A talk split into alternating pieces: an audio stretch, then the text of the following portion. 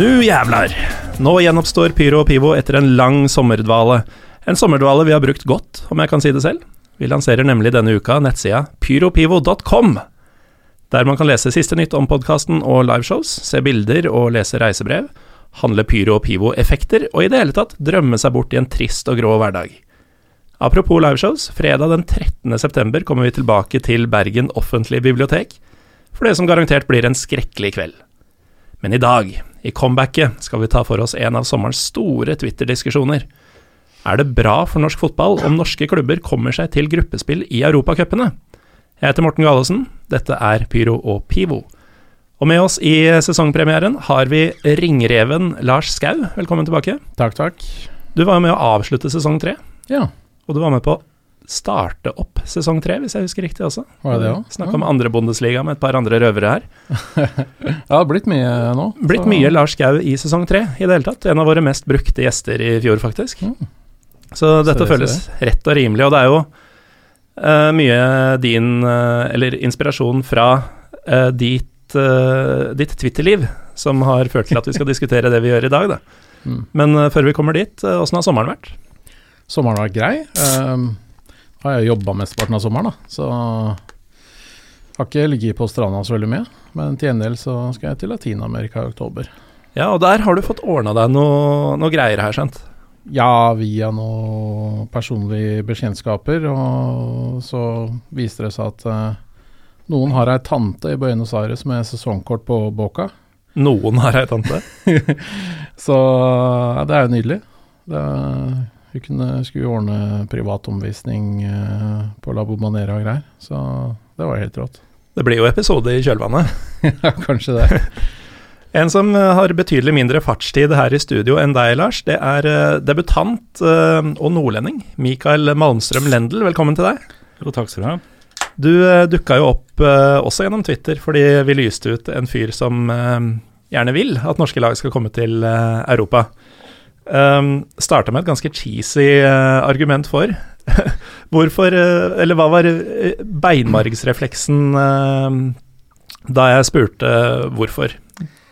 Nei, nå ligger, det jo, ligger det jo så godt an med Bodø-Glimt at hvis Molde og Rosenborg skulle slite seg pisstung i føttene i torsdags- og onsdagskamper utover hele høsten, så øker det sannsynligheten for at Glimt går til topps for første gang ever.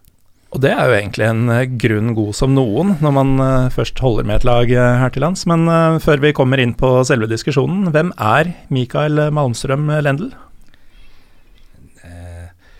Middelmådig høyreback på eh, 28 år fra Bodø. Lita øygruppe utafor, men den er Det teller. Det, det teller, og det er så lite at de har fått et eget TV-program, eller i hvert fall en episode på NRK som heter 'Der ingen skulle tro at noen kunne bo'. Det er, det er vel ikke en serie om de øyene. Nei, heldigvis ikke ennå. Um, Høyrebekk, sier du? Um, du har ikke nødvendigvis høyrebekk-kroppen. Hvilket nivå er det vi snakker om? Nei, da snakka vi at vi slutta når vi var 14, Ja. fordi at man ikke hadde hø verken høyreback- eller keeperkroppen. Så eh, da man, eh, fikk man fort beskjed om at det kanskje var andre ting man kunne satse på i livet. Noen som har gjort det, er jo den gjengen som herjer i Eliteserien for ditt kjære Bodø-Glimt eh, for tida. Hva tror du om eh, Europa neste år? Blir det noe på dere? Ja, det blir i hvert fall kanskje en kvalifisering, men vi har jo aldri gått videre derifra, så det er jo eh, vi, får, vi får se. Får se. Vi får se. Nøkternt og herlig, Lars. Veldig nøkternt, ja. For ditt Vålingas del så gjelder det kanskje det samme som for mitt Lillestrøms del. Ikke faen om det blir noe neste år heller. Nei da, det er eh, knuste drømmer og trillende tårer. Det er stort sett det det går i. Og da kan vi jo egentlig sette i gang. Um, er det fordi norsk fotball mangler et lokomotiv at uh, du og jeg ikke får noe særlig europamoro, uh, Lars? Eh, jeg har ganske store problemer med det argumentet. Eh, det er flere grunner til det, vi ikke kan komme tilbake til seinere i sendinga òg. Men det første er jo det hele konseptet. Fordi det, dersom det skal være sånn at eh, Rosenborg At det er ønskelig at Rosenborg skal være mye, mye bedre enn alle de andre norske lagene, for å liksom trekke de etter, Så, så det argumentet er jo implisitt at da vil Rosenborg alltid vinne ligaen. Eh, jeg innser at uh, Altså, jeg er ikke, jeg er ikke bortskjemt med Vålinga-seriegull, men jeg har sett dem vinne én gang, i 2005. Ja, det var vel det. Ja. Uh, og altså Skal jeg, da, som Vålinga-supporter, kaste alle mine forhåpninger for den klubben jeg har fulgt i 25 år, på båten fordi det kan kanskje gjøre norsk fotball bedre at Rosenborg alltid vinner hele tiden? Altså, det, det er jo et kanskje her, fordi på 90-tallet så var det jo en, en, stor opptur for norsk fotball. Landslaget, selvfølgelig, som gjorde, gjorde alt riktig, i hvert fall i en seks-sju år. Mm. Uh, og Rosenborg, som hadde mange sesonger på rad i Champions League. Og, og, vi hadde jo andre norske lag også som faktisk gjorde en god figur i Europa. Vi hadde vel Brann som spilte cupvinnercup-kvartfinale, tror jeg. Mm. Det uh, var vel et annet lag som kom omtrent dit også. Rosenborg gikk jo videre et par ganger. Det? Kvartfinale i uh, 99. Og Molde hadde jo også et gruppespill i Champions League eh, på slutten av 90-tallet, var det vel. Um, det høres jo isolert ut som, som, gode, morsomme tider for norsk fotball. Da. Hvorfor, uh, hvorfor, ønsker du deg tilbake til en sånn uh, tilværelse, Mikael? Nei, først og fremst vil jeg si at vi trenger ikke ett lokomotiv i norsk fotball. Vi trenger fire, minst. Og vi trenger en liga som er i tilnærma 16 eller 20 lag til enhver tid. Altså du vil ha flere lag, uh, om man ja. skulle tatt den diskusjonen? Ja, det kunne jeg tenkt meg. Ja, selvfølgelig, bunnivået kan bli mye høyere. Nei, lavere, med 20. Men den ene diamanten etter de andre som kommer fra de litt puslete klubbene som klarte å lure seg med fra Obos-ligaen, den ene diamanten som hele tida får vist seg fram, ikke bare når, når eh, den rette speideren er til stede får kontinuerlig vist seg fram og være god og vise stabilitet, kan jo fort da bli plukka opp av disse lokomotivene. Så kan du ha en hel gjeng med middelhavsfarere i bakgrunnen som har relativt gode spillere som får lov til å utvikle seg. Og som igjen da kanskje fører til at de blir solgt rett til utlandet. Glimt er jo garantist. Spiller du spiss på Glimt og er litt dårlig på forhånd, så blir du rett til utlandet. Det er en track record. Det er bare å spørre han, Journalisten i AN, han Børre Arntzen, har jo skrevet en sak om det i dag. Han Fitti Masemi ut. Han klarte seg ikke rett tilbake til Tromsø. Ibba Lojab tjener seg steinrik nede i Japan etter en liten tur i Kina for å bli enda rikere. Ja, Det er folk som ikke har gjort noen ting før de kom til Glimt og ble storskårere. Absolutt nada. Eller de har jo prøvd, men Stig Johansen også kanskje litt uh, den uh, kategorien, selv om han var jo der en stund da, før han gikk videre. Ja. Stig Johansen uh, Bengt Sæternes kom seg ikke ut men kom ikke her og si at Bengt Sæternes var et ettertrakta fotballand før han ble toppskårer i Tippeligaen, som det heter da. Nei. Men når du skisserer dette med si opptil 20 klubber, hvorav det er fire tilfeldig antall, eller? Fordi altså fire lokomotiver, som da kan ta litt for seg av spillerne ellers i ligaen, det høres litt ut som dagens Premier League, gjør det ikke det? Det kan være, men når du har et land med fem millioner mennesker vi kan jo ikke ha 20 toppa lag til enhver tid som er kanongode og skal hevde seg i Europa. Vi har et begrensa antall materiale å ta av, og i og med at noen bestemmer seg for å dra rett ut til det store utlandet og jeg ikke dumme seg ut på et eller annet vis, så må du i hvert fall ha fire stykker med økonomiske muskler som kan lure som et mellomtrinn på vei til noe stort, som da igjen kan gjøre at folk blir kanskje ordentlig kanongod over lang tid. Og når de da er hundegamle og har lyst til å drive på med litt sånn retrofølelser, så kan de suse rett hjem til, eh, til originalklubben sin i da eliteserie og lære bort en masse. Få en 37 år gammel mann som egentlig ikke kan sprenge noe spesielt mye, men han kan fortelle alle kidsene hvorfor de skal sprenge der, hvorfor det er viktig å jobbe, og hvordan det er å være ute nå for at de var ute for et kvarter siden. Det er nødt til å være gullerfaring. Lars, hva tenker du om uh, tanken om uh, fire som stikker av med alt, kontra ett? Um, altså Problem Hvordan skal det skje, liksom? Um, altså, Grunnen til at Rosenborg Rosenborg er fortsatt et lokomotiv eh, sånn som det er nå, vil jeg påstå for øvrig. da. Eh, de har vunnet eh, fire seriegull på rad nå. Ja, Men det er kanskje mer Eh, sånn så- eh, moldovsk damplokomotiv heller enn uh, Shinkansen, eller hva det Ja, det er det nok. Eh, kommer de til gruppespill nå, så blir det jo litt uh, Shinkansen igjen. Jeg, jeg vet ikke. altså Fire lag, hvem, skulle det vært? da? Altså, så Skulle jeg si Brann og Vålinga og Rosenborg og et eller annet, da. Viking eller noe sånt, bare for å ta de lagene fra de største byene. Men hvor skal penga komme fra? Det, det er jo helt umulig. Eh, du har én plass i Champions League. Eh, og hvis du satser og ikke kommer dit, så brekker du ryggen økonomisk. Ehm, det har jo skjedd eh, med altså Stabæk, Vålinga har fått masse smeller pga. det. Man har satsa flere andre lag også, og du ser jo nede i Europa. ikke sant? Så Portsmouth gikk jo konkurs, Leeds er fortsatt i championship. Eh, I Tyskland så er det jo klubber som, eh, Mm. som har slitt i. Kaiserslautern er i tredjedivisjon. Trekker 40 000 i tredjedivisjon i Tyskland. Eh, så det Jeg, jeg veit ikke hvordan, hvor de pengene skulle komme fra, da, for å liksom skape Altså ha fire lokomotiver. Um, Så føler jeg jo at dette med å hente hjem disse avdanka for å lære bort ting Jeg føler jo at man har jo forsøkt sånne ting. Altså Jan Åge Fjørtoft kom tilbake, Mohammed Abdelaue kom tilbake. Det, det har vært vi har hatt en del sånne. Tor ja, André vi har hatt Flo, en del sånne. Tor André Flo, Rune Lange. Veldig mye hos dere. Steffen Iversen, han var jo fortsatt god, da. Steffen Iversen funka veldig bra, han blir, og Ove Røsler for Lillestrøms del, uten at han kom hjem igjen, men han kom jo da fra Mm. en internasjonal karriere til norsk fotball. Uh, men det er langt mellom solskinnshistoriene på, på det der, eh, Mikael. Men det spørs jo hvilken insentiv folk har for å komme hjem. Mm. Hvis du blir lova en gullhånd til kontrakt og får lov å spille 90 minutter hver eneste helg, så er det klart at det er ikke en kjeft som kommer til å levere noe. De kommer ikke til å lære noe til noen. For det kan jo være at det plutselig er folk som blir steingode, og som da må ta plassen til disse fordi at fansen innser at her er det noe mystifistisk. Hvis du får beskjed om at du er nødt til å komme hjem, eller du kan komme hjem på det insentivet at du må bidra aktivt i, i trenerapparatet, og så får du spille når det er plass. Du skal ikke skinne over unge, sultne mennesker som har gått gjennom et helproft opplegg fra NFF med juniorlag på landslagsnivå på en 15-åring. Altså, det, det må være rette insentiver, og det må være satt i et system og en forståelse innad. For å ta de klubbene som kan gjøre det bra.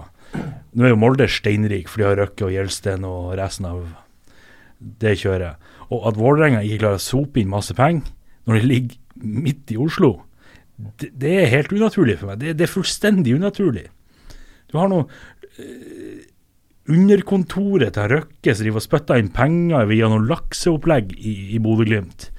Er Røkke og spytter inn penger? Nei, han er jo ikke det, men altså alt som har med laks i Norge, er jo nødt til å være i nærheten av Gjelsten og Ja. Røkke. Om det er eksdama sitt foretak eller ikke, det er ikke så altså.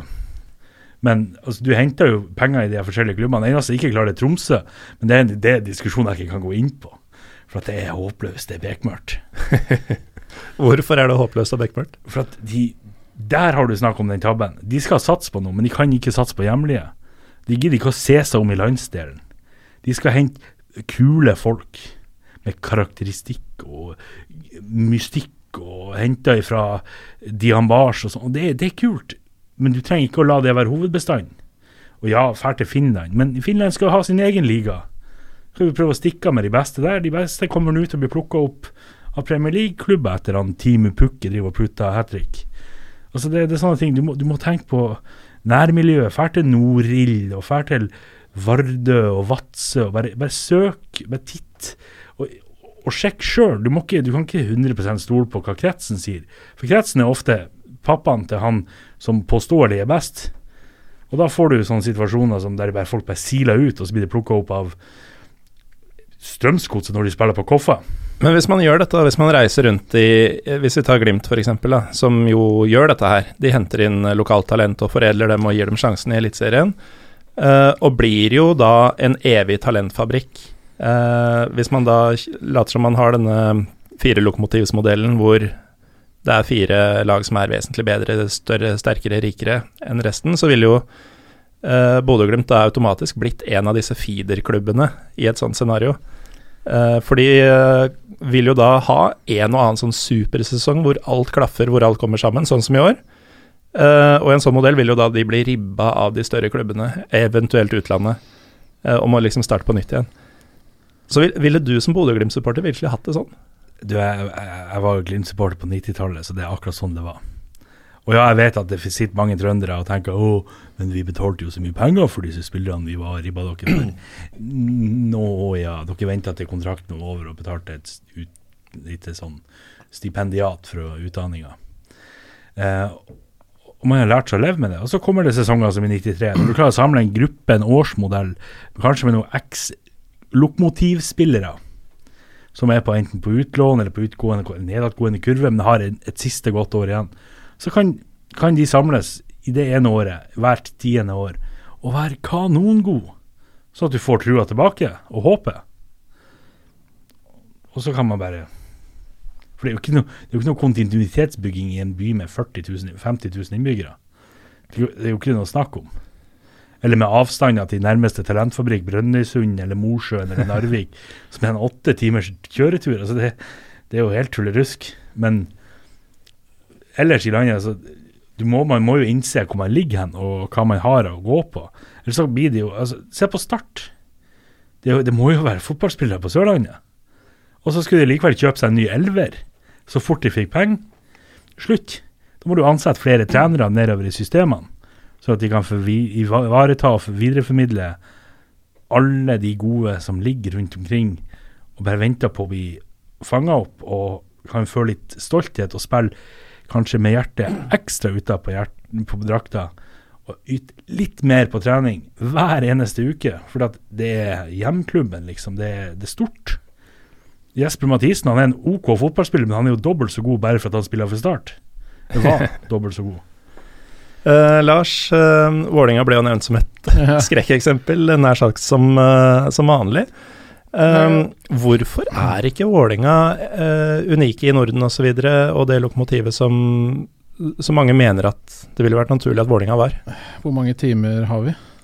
Ja, nei, Det var kanskje dumt å spørre om dette. Men uh, bare ta én ting om det med spons, da. Fordi mm. det er jo ikke Det er litt sånn snålt at det Man sliter med økonomien når man er en fotballklubb i Oslo, men Oslo har Norges vanskeligste sponsormarked, og det er veldig, veldig rart. Men hvis du hører på Josimars uh, fotballpodkast her tidligere i år, eller i vinter, uh, så hadde de Skeids nyansatte daglig leder. Um, og han, eh, han, fortalte akkurat det samme. at Det er nesten umulig å få inn sponsorpenger til en fotballklubb i Oslo. Fordi at uh, hvis du ser i andre steder, uh, så særlig kanskje på Vestlandet og nordover, så, så er fotballklubbene en veldig viktig institusjon i, på mindre steder, hvor mm. Lokale sparebanker og, og lokale næringslivet ser viktigheten på grunn av, sant, for å hindre, hindre, fraflytting og for å gi barna et tilbud. da. Så, så har de en lojalitet til For fotballklubben er viktig, ikke sant? For mm. å rett og slett uh, gi folk noe å gjøre på steder hvor det kanskje ikke er så mye å gjøre. da. I Oslo er det ikke sånn? Nei, Oslo så, For det første så er det ingen bedrifter i Oslo som følger noen som helst lojalitet til denne byen. Fordi de, mange av bedriftene er jo ledet av folk utenbys fra, så de sponser eller andre. Uh, I tillegg til at uh, det er så mye annet å bruke pengene på. Ikke, du, du, trenger ikke sponse en fotballklubb for å profilere seg. Det, det, så det, det, er veldig, veldig vanskelig. Det er jo inntektssida til Vålerenga som svikter. Uh, mange prater om at de bruker så vanvittig mye mer penger enn alle andre, men hvis du ser på budsjettene deres, så, så gjør de ikke det. Uh, det går i bølger, da. Så de har jo sånne idiotsesonger hvor de bruker mye penger. Men det underskuddet de hadde nå i vinter, er jo manglende inntektsside. Inntektssida til Vålerenga er fryktelig lav sammenligna med de fleste lagene i Eliteserien. Men det budsjettet, eller det mm, den sprekken var vel på bortimot 30 mill., var den ikke det? Jo, det er ganske Da har du jo budsjettert ganske ræva, da. Altså Hvis du har 30 millioner i manglende inntekter, eller si 25 av de 30 var manglende inntekter Jo, det sitter jo en i London som godkjenner det budsjettet, da. Ja. ja, men det er fortsatt et er, utrolig dårlig budsjett. Ja, men e Eventuelt så har, må jo alle i marked gå, fordi det ikke har De ønsker jo selvfølgelig å bli bærekraftige, men han i London vet jo Altså, de styrer jo da sånn at han dekker inn. Mm. Eh, så det var jo ikke så Det var ikke sånn at dette kom helt sånn bardus på, selv om det ble fått framstilt sånn. Jeg skjønner ikke helt hvorfor det, men eh, det ble noen mil høyere fordi at de ikke hadde klart å få inn de Var noe sånn type fire-fem mil eller noe sånt, tror jeg. Som, eh, som de Men altså, det, det er nesten umulig. Så du, hvis du tar med det, da at Oslo har et jævlig vanskelig sponsormarked, pluss Og, og omdømmeknekk pga. stengelsaken og alt det der surret der sånn. men så var også Mikael inne på dette med avstander. Og, og der stiller jo plutselig sånne klubber som Bodø-Glimt og Tromsø sterkt igjen, fordi det er jo bokstavelig talt milevis til neste toppklubb. Men når Oslo er et vanskelig sponsormarked, så er det også automatisk Stabæk, Lillestrøm, Godset, kanskje til og med Vestfold og Østfold-klubbene, er jo på en måte dratt med i dragsuget av Ja, Av de dette? deler på en måte det markedet, da. mm, Pluss at mange av de bedriftene som er i Oslo, er jo, er jo nasjonale, og til og med internasjonale. Mm. Så hvorfor skal Equinor gidde å gå inn i Vålerenga, liksom? De har ikke noe å tjene på det. Det er derfor det endte med et eh, lokalt IT-selskap, da. Det er Intility, at de kjøpte stadionnavnet. Eh, det er jo De holder til i Schweigers gate. Er det IT de driver med? Ja. Alltid lurt. Ja, nei, det er, det er mange, mange som lurer på hva det er for noe. Inntil litt i the Men, Sky eh, Base Sor- Research, det er. Sånn sett så har du jo fått uh, valuta for penga, da. Fordi plutselig er det mange som bare hm, Hva er dette ja, for noe? Ja. Jeg veit at uh, det, det var mange som harselerte med det stadionnavnet. Nå er vi sånn bra sånn pyro pivete på sida av det vi egentlig skal snakke om. Uh, da, da det stadionnavnet ble, ble lansert, så var det en god del harselas med det, og det var bl.a. en eller annen på Twitter som sa at ja, jeg, jeg lurte Jeg ble nysgjerrig, da. Jeg lurte på hva Intility driver med. Mm. Så jeg gikk inn på nettsidene deres, og så klippet ut sånn screenshot av hvem er vi, liksom, fra intility.no, eller hva det er. Og han lurte jo mer etterpå, for det var så svevende. Og så var det in the cloud, for å si det sånn. Ja, nei, det er jo IT-lingo og greier. Eh, men altså, ja, det er liksom Jeg skal ikke si her at Vålerenga liksom bare Altså, de har gjort alle feil i boka, ikke sant. Uh, men det er litt vanskelig å bygge fotballklubb når du har det sponsormarkedet. Og i tillegg, inntil for noen få år siden, så spilte vi på en stadion hvor vi måtte ha 7000 tilskuere for å gå i null på en hjemmekamp. Uh, og du måtte forhandle med en motpart om leiekontrakt, som satt og visste at du ikke hadde noe annet sted å gå. Det er ikke så jævlig gunstig. Eh, og så tar du med kronisk eh, sportslig svikt, ikke sant. I hvert fall i forhold til de forventningene, som jeg mener ofte er urealistisk høye. da. Man får liksom aldri tid til å bygge noe over tid, fordi at alt skal skje så jævlig fort. Er ikke det litt klubbens egen skyld òg? Jo, jo, jo. Men sånn er det jo. Vålerenga-fans er jo sånn. Altså, Det er jo full rakning hver gang det er poengtap, liksom. En ting jeg misunner hos øh, holdt på å si sånne som dere, Mikael. Jeg er jo uh, ivrig tilhenger av en klubb som ikke har noe annet å være stolt av lenger enn at man ikke har rykka ned siden 60-tallet. Uh, og hver eneste høst så er det sånn dommedagsstemning. Om vi går ned, så har vi ikke det engang, og kommer aldri tilbake igjen. Uh, men hos Glimt så virker det å være et så edruelig forhold til opp- og nedturer. At man er så Man har en modell som man er så tro mot. Eh, og den betyr alt. Eh, samme i Sogndal for så vidt, og en del andre klubber. Men Jeg tenkte på Sogndal akkurat Ja. nå. Det er sånn stø kurs uansett. at- at man vet at innimellom så er man nede et par år, og det er ikke noe problem, og så kommer man opp igjen, og så er man superrusta fordi den samme gjengen har fått lov å spille seg gode sammen i rett alder og, og sånn. Hvordan, hvordan er det å være deg?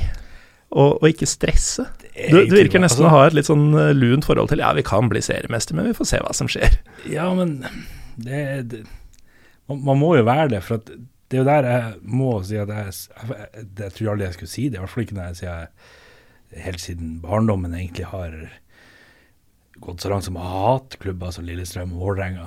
For at det føltes ut som uansett hvor dårlig de gjorde det, så var det alltid tre poeng å hente mot Glimt. I hvert fall Lillestrøm. I hvert fall Lillestrøm. I gamle dager så var Aspmyra gratis. Ja, det var helt gratis. Det var helt forferdelig. Jeg føler Men- at vi alltid avgir poeng mot Bodø-Glimt. Ja. Vi spiller 1-1 hjemme mot Bodø-Glimt nesten hver eneste gang. Bortsett fra nå sist, det gikk det ganske greit. det, var, det, var, det, var, det var tragikomisk. Det var et absurd teater.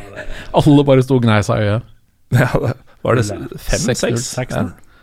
6-0 til Vålerenga over årets Bodø-Glimt. Ja, de ræva dem fullstendig. Jeg veit ikke hva som gikk av dem. Men uh, de har ikke gjort det etterpå, for å si det sånn. Er det noe sånn der, På Hedmark så er det jo jaktsesong i september og oktober, og da er det ikke noe annet de driver med. Er det et eller annet som Når var dette? Juni? Mai?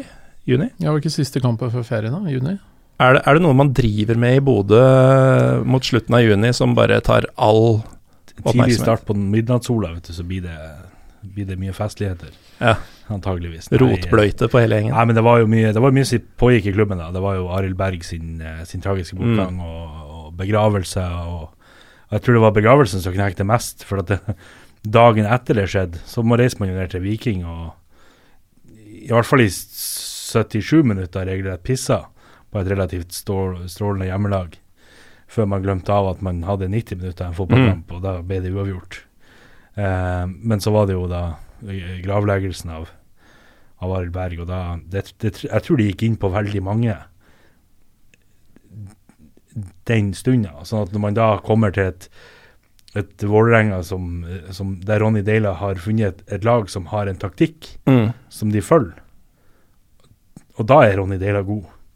Hvis de har en taktikk som de virkelig kan og følge, da er det perfekt med Ronny Deila. For da kan jeg fortelle nøyaktig hvilken spiller som skal løpe til nesten nøyaktig hvert tidspunkt, og treffe på det. Stort sett. Det var det var eneste han drev på med i Strømsgodset. Det var jo samhandlinga å fortelle at du må gå der, du må gå der. Det her må vi øve på, det her må vi øve på. Bang, bang, bang. Her kommer de, de spiller sånn. Men nå kommer jo Altså, Nå er det seigt der borte, Lars. Men uh, akkurat dette med Arild Bergs uh, bortgang, da, uh, føler jeg underbygger litt av det poenget jeg var i ferd med å bygge angående klubber som Bodø-Glimt og Sogndal, Lars. Er at eh, der våre kaosklubber eh, henter en ny trener som ikke på noen måte står i stil med den forrige, og som da må starte å bygge tropp på nytt igjen, om igjen, om igjen, og veldig mange andre norske klubber, så virker det som om Bodø og Glimt-familien er en gjeng som er fullstendig enige om hva denne klubben er, og hvordan den skal fremstå, og, og derfor har et så nært forhold da, at dagens spillere som eh, ikke nødvendigvis har sett Arild Berg spille engang, så unge er de jo, Um, og ja, at det går såpass inn på dem. Ja, men det er klart når du der, der kan det være at NFF har gitt oss en liten freebie for en gangs skyld i, eh, i deres historie. Men uh, i og med at eh, det var, det var ikke allnorsk serie før langt ut på 60-tallet, så måtte jo uh, måtte jo Glimt gå rundt og spille mot nordnorske lag. Eh, blant annet TIL og Mjølner og disse, og vinne nordnorsk seriemesterskap og sånn. Helt tullerusk. Og når de da fikk lov å prøve seg på, på, på det store markedet, så skulle alt gjøres proft. Så de hadde jo sett tippekamper fra England. Mm. Så supportergruppe, altså sånn, det var jo ikke noe som hadde det i Norge. Så bare der begynte det jo med at 12-13 stykker reiste på firm eller på studietur til England for å lære seg supporterkultur. For vi skulle ikke skjemme bort. Å nei, nei, nei. nei. Mm. Og utvikle en spillestil som skulle, være, som, som skulle definere laget. Så det, jo, det kan godt hende at Rosenborg begynte med 4-3-3 og raske overganger, eller perfeksjonerte. Men det har vært siden 1973 i klubben. 4-3-3, raske vinger, gode innlegg, overlapp fra back. Altså det her, det, det er bare sånn som det er. Så du finner heller trenere som forstår og kan være med på det, og kanskje videreutvikle litt. Men du ansetter jo ikke noen sånn ekspert på 442 eller noe prosjekt Horneland eller prosjekt hva det måtte være. Du ansetter jo en person, og så sier du at dette er systemet. Du må bare få folk som kan spille i det her systemet. Helst folk fra Fra nærmeste byen eller nærmeste bygda. Mm. Men nå eh, nærmer vi oss en halvtime, og vi har så vidt toucha innom det vi egentlig skulle prate om. Um, vi har vært litt inne på det med tanke på sponsorer og budsjetter og sånn. Og Lars, um, et av dine hovedargumenter mot uh, Altså uh, mot at du skulle ønske Rosenborg f.eks. inn i Champions League, er jo det, denne enorme økonomiske fordelen det vil eh, bringe med. Altså i um, Det det er vel mange av eliteserieklubbenes kombinerte budsjett som man vil få bare i ren inntekt av å komme der. 250 millioner. Ikke sant? Det er vel nesten hele ligaen, bortsett fra Molde, Rosenborg og nedre halvdel av Eliteserien sammenlagt, kanskje. da, Noe Mm. Og dette mener jo du da er et problem, det er en dårlig skjult hemmelighet. Men uh, da Rosenborg i sin tid håva inn disse pengene, da, Mm. Så fikk jo bl.a. din klubb eh, 25 millioner for en innenlandsovergang da de kjøpte Jon Carew. Så mista vi superstjerna vår. Ja, men dere fikk 25 millioner i en tid hvor eh, det var mye å betale en million for en Ja, innenlandsovergang. da, kjempeflott, det. Men øh, Og for å være helt ærlig, så var det sikkert lurt av han å gå til Rosenborg. Eh, han fikk sikkert utvikla seg mer der. Eh, han, Han fikk et lite løft, man må jo innrømme det. Men han var jo et ekstremt talent. Mm. Men øh, altså, min lojalitet er til min klubb. Jeg kan ikke gå rundt og ønske alle andre vel. Uh, og dessuten, Rosenborg er jo Altså, For å bare ta litt hva de har gjort da med den, altså på 90-tallet, når, når de kom inn her. Så de var jo utrolig gode eh, og hadde Norges beste trener noensinne. Samtidig som da Champions League starta i 92 og pengefossen starta inn i fotballen. Og så eh, De har vært veldig, veldig flinke til å forvalte det de har. Og derfor så Altså, ok, altså de, de skal ha for det, da. De har ikke fått pengene fra en sånn morderisk regime i Midtøsten eller et eller annet sånt noe. Eh, så sånn sett så er det jo mye mer sympatisk enn f.eks. Molde.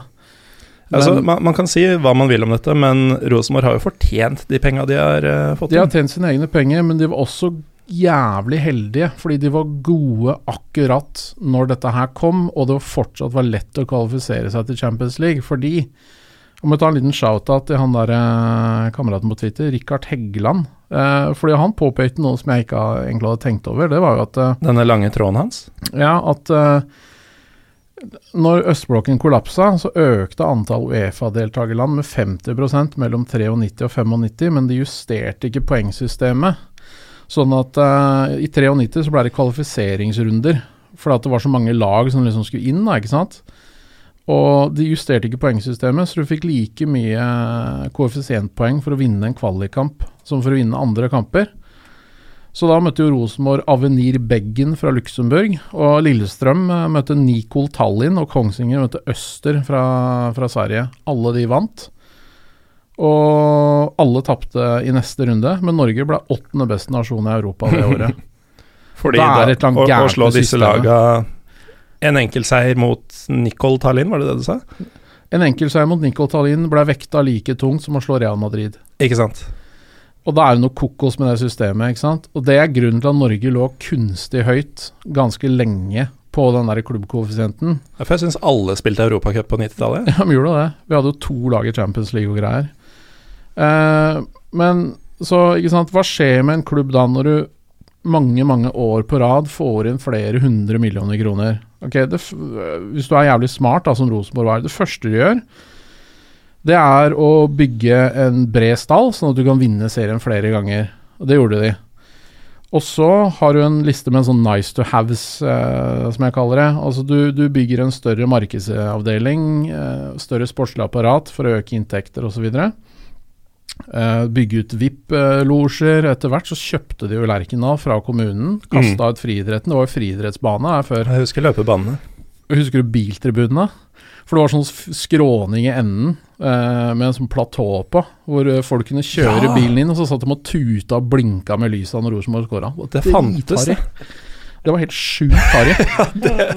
Og biltribunen så på på Den gjengen hadde skinnvest på seg. Ja, Det veit vi.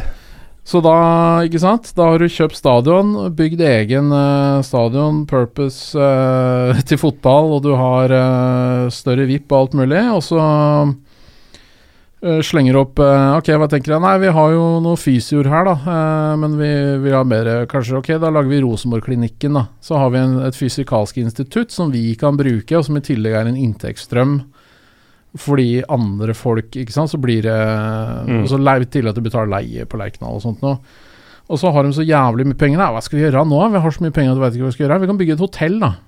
Så de bygde da Scandic hotell Lerkendal med 397 rom. Jeg vet ikke hvor mye av det Rosenborg betalte, men Scandic drifter og betalte sikkert mer enn halvparten minst. Men Ja, for selv ikke Pyro og Pivo kan sitte og hevde at Rosenborg eier Scandic-kjeden. Nei, det skal jeg ikke si. Men det er helt åpenbart at når du har et hotell på stadion din, som du har en eierinteresse i, så har du masse fete synergieffekter. Ikke bare det at Mm. bortelag og sånn kommer og bor der, men du kan jo ha et konferansesenter hvor gamle klubblegender og trenere kommer og holder foredrag, og spillere viser seg, og lag Ikke sant. En del sånne ting. Så kan du Mm. selge sånne corporate-pakker, pluss at det hotellet drifter jo hele VIP-systemet på Lerkendal. Så kjøkkenet på hotellet kjører mat og ikke sant. Mm. Så du har masse sånne synergieffekter. Rosenborg er allerede langt, langt, langt foran. Det er ingen av de norske lag som har dette. Til og med ikke Molde har det. Ok, Det har det der seilet, kanskje det har det hotellet, men ingen Det blir blir lag. ikke helt det samme. Nei. Og så kan du si ja, det er jævlig dårlig at Vålinga ikke utfordrer Rosenborg. Ok, vi fikk en egen stadion for to år siden. Har høl i budsjettet på 25 millioner. Er så vidt det klarer å overleve. Lillestrøm, dere har jo stadion og holder så vidt huet over vannet. Dere Altså, trenger ikke å snakke om Lillestrøm. det er liksom ingen Altså, jeg tror ikke folk skjønner hvor jævlig langt foran Rosenborg ligger, da. Og så nå så skal vi liksom ønske at de får 250 millioner til på toppen, så de kan sitte og kanskje kjøpe spillere for oss hvis vi er heldige. Altså, jeg vil ikke ha en sånn liga. Jeg holder ikke med Rosenborg. Jeg, jeg ønsker at det skal være et minimum av like vilkår, da. Mikael, eh, det er, det er jo vanskelig for tre andre klubber å skulle være lokomotiv sammen med Rosenborg når du hører dette. Ja, men det spørs jo drifta på det her. For som jeg tok eksempel i eh, mitt lag Glimt, som drev og solgte eller ga bort folk fordi at de ikke De hadde ingen som kan drive sportslig på den tida. Det var ikke en langsiktig plan. Det var bare ja, Vi får gi noen en kontrakt, så får vi håpe på det beste. Og så var det, gått tre år der de spilte kanonbra, og så kommer folk og plukker de. For at vi har ikke penger. Det er jo snakk om å kunne, kunne drive intelligent og tjene penger på det du har, og det du har, er, er fotballen Jo, men altså og eventuelt kjøp og spillesalg. Og da kan du ikke Du kan ikke bruke penger på å hente inn eh, noe tredjerangs costaricanere til enhver tid. Da må du jo da må du dra ned på, på baner på Holmlia eller i til Strømmen eller til eh, hva det måtte være. Men Tenk- selv om du gjør alt dette riktig, så hvis Rosenborg da Hvor mange Karever må du få tak i for å ta igjen Rosenborg, liksom? Eh, Ikke sant? Hvis Rosenborg da er med i Champions League et par år på rad og får 250 mil inn hvert av disse årene, i tillegg til at de har et inntektsgrunnlag i utgangspunktet som er mye høyere enn de andre klubbene i Norge, da kan du gjøre absolutt alt det du sier helt riktig år etter år, og fortsatt ikke være i nærheten, i hvert fall økonomisk, da. Og da blir det jo vanskelig å konkurrere. Det er klart at det blir vanskelig å konkurrere. Det er ingen som har sagt at man skal, at man skal få fire lokomotiv så NFF skal sponse. Altså det, det, det blir for ellevilt. Men vi må jo kunne ønske oss dit hen at, at la, la oss si at i år, hvis Brann hadde giddet å levert, hvis Haugesund hadde klart å slå ut PSV, og Molde kommer seg inn i et gruppespill i Europaligaen Nå har ikke jeg noe tro for at Rosenborg blir å komme seg inn i et eh, Champions League-gruppespill, la oss være helt ærlig, men i hvert fall Europaligaen. Fordi du ikke er sånn navlebeskuende fyr som tror at Dynamo er et bakgårdslag. Nei, men altså, Dynamo Zagreb har jeg hørt om, så det Mhm. kan ikke være et bakgårdslag. Jeg, altså, jeg er interessert, men det er begrensa. De, har- de har kommet opp et par ganger på Football Manager. Altså, det, det, det er ikke Men la oss si at du har fire stykker som da driver og suser rundt i gruppespill i Mm. Europa League. Som nå er en bitte mye bedre turnering enn det var når Glimt hadde miraklet på Ullevål. Slo Sampdoria 3-1. Ja, det er en stund siden. Ja, 94. Det var noen, noen navn der av noen italienere som jeg ikke helt husker, men de var relativt eh, Sampdoria på den tida var navngjetende. Ja. Roberto Mancini, Atilio Lombardo og Lombardo var der blant annet. mm. Så de, de, de ble senka. eh, Vi ble også senka på bortebane, vel å merke. 4-3 til sammen. Tror det var noen gode serbere på den tida òg. Ja. Så, eh, så det er klart La oss da ta utgangspunkt i at denne sesongen hadde vært en bra en for norske lag i Europa. Du hadde hatt, Ikke sånn som i fjor, der du hadde tre lag med, men eller to, tre. Der Sarpsborg blir eh, hylla for å komme på sisteplass. Come on, please. Her snakker vi om, om, om spillere som viser seg fram over en lengre periode, og som kanskje klarer å kanskje de kommer seg til første utslagsrunde, et par av de her. Og pengene, er klart de får pengene, det er ikke noe tvil om. Og de begynner å se etter modellen. OK, Rosenborg har det og det og det. Vi skaffer oss det og det. Det, det her er en lang prosess, og det, det er kanskje der tålmodigheten som Glimt-supporter kommer inn. For det her er ikke snakk om noe fiks over natta eller på to-tre år. Men i det lange løp, når jeg har unger, så kan jeg kanskje få lov å snakke om noe annet enn VM i 98, som jeg var knapt nok sju år og ikke fikk med meg piss annet at folk var kjempeglade. Altså, jeg, jeg er avhengig av at noen gjør det bra nok til at vi kan til slutt få et landslag som kan levere noe. Og Hvis det betyr at Rosenborg er nødt til å gå til Champions League og vinne én kamp hvert fjerde år og få masse penger, du hva, vær så god.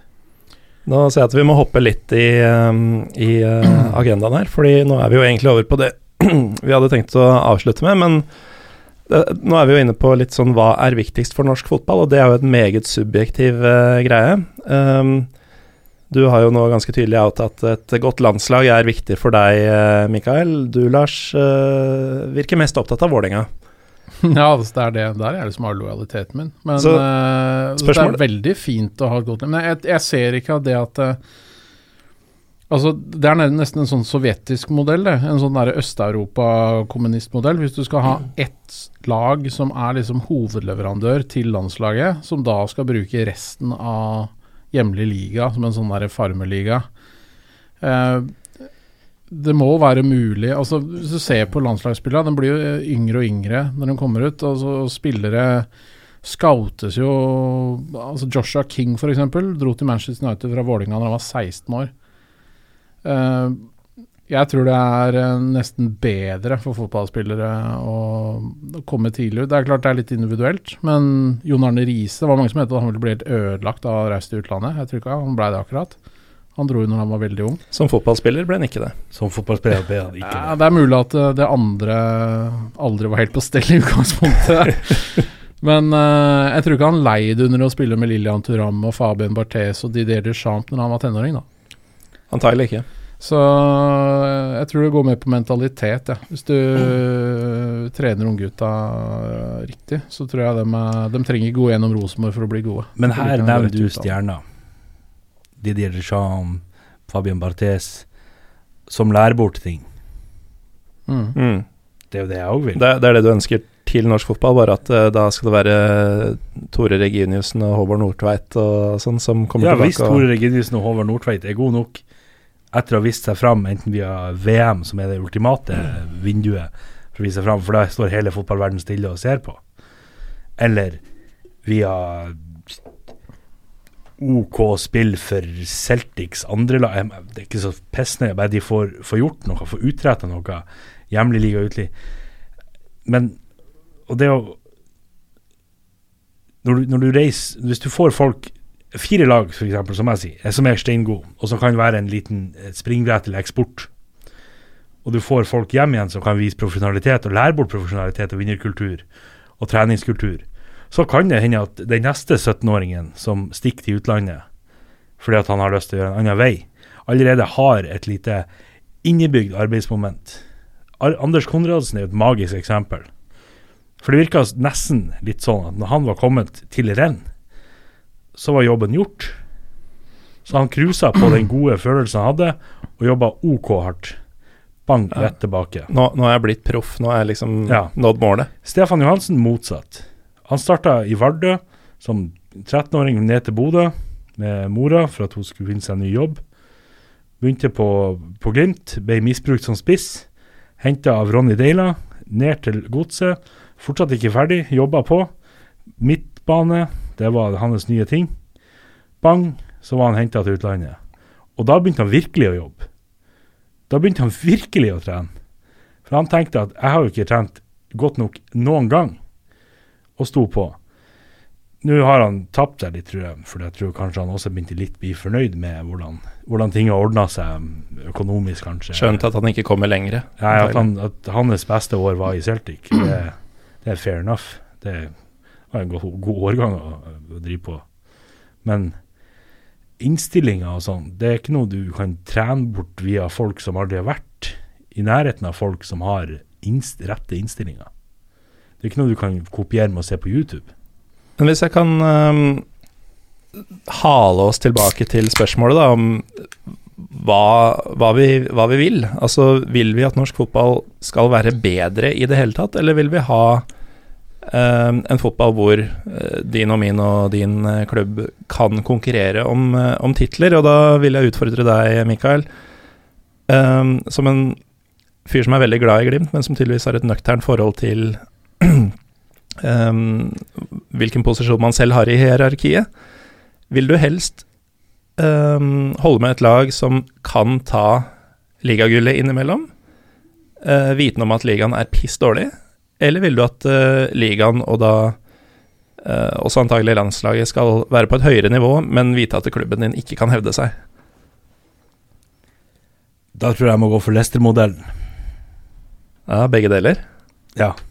Den uh, pissgod liga der eh, en gang i skuddåret så treffer formen, formduppen til de andre, spillerlogistikken så brutalt godt at du går rundt i eufori de neste tre årene. Ja, Det her tenkte jeg faktisk ikke på da jeg stilte spørsmålet, men uh, det, det, går ikke an å diskutere dette, Lars, uten å ta med Leicester, Montpellier, eh, Bursaspor Kanskje ja, til og med Kaiserslautern det, det året de var nyopprykka.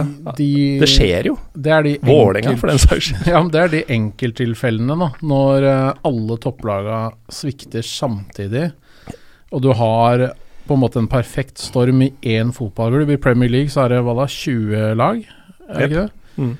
Um, så når, la oss si, topp seks svikter fullstendig, da, og Leicester får tidenes sesong på 100 år, så vinner de ligaen. Det er fortsatt ganske mange andre lag som ikke vinner ligaen. Altså, jeg, jeg kan ikke leve til jeg er 500 år gammel.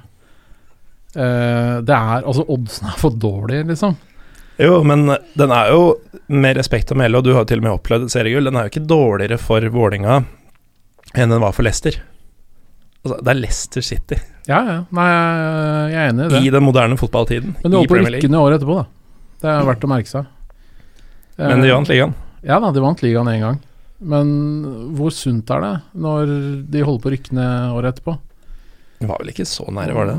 De var sleit lenge, gjorde de ikke det? Men jeg tror det er også man må tenke på det at den moderne fotballen man snakker om, med antatt, eller påstått i hvert fall, til dels antatt korrupsjon i øst og vest og dårlige avtaler eh, øverst i systemet så må man jo kunne gå ut ifra at det ikke det, er ikke snakk om så veldig mye om hva vi sitter her og, eh, og diskuterer. Sånn.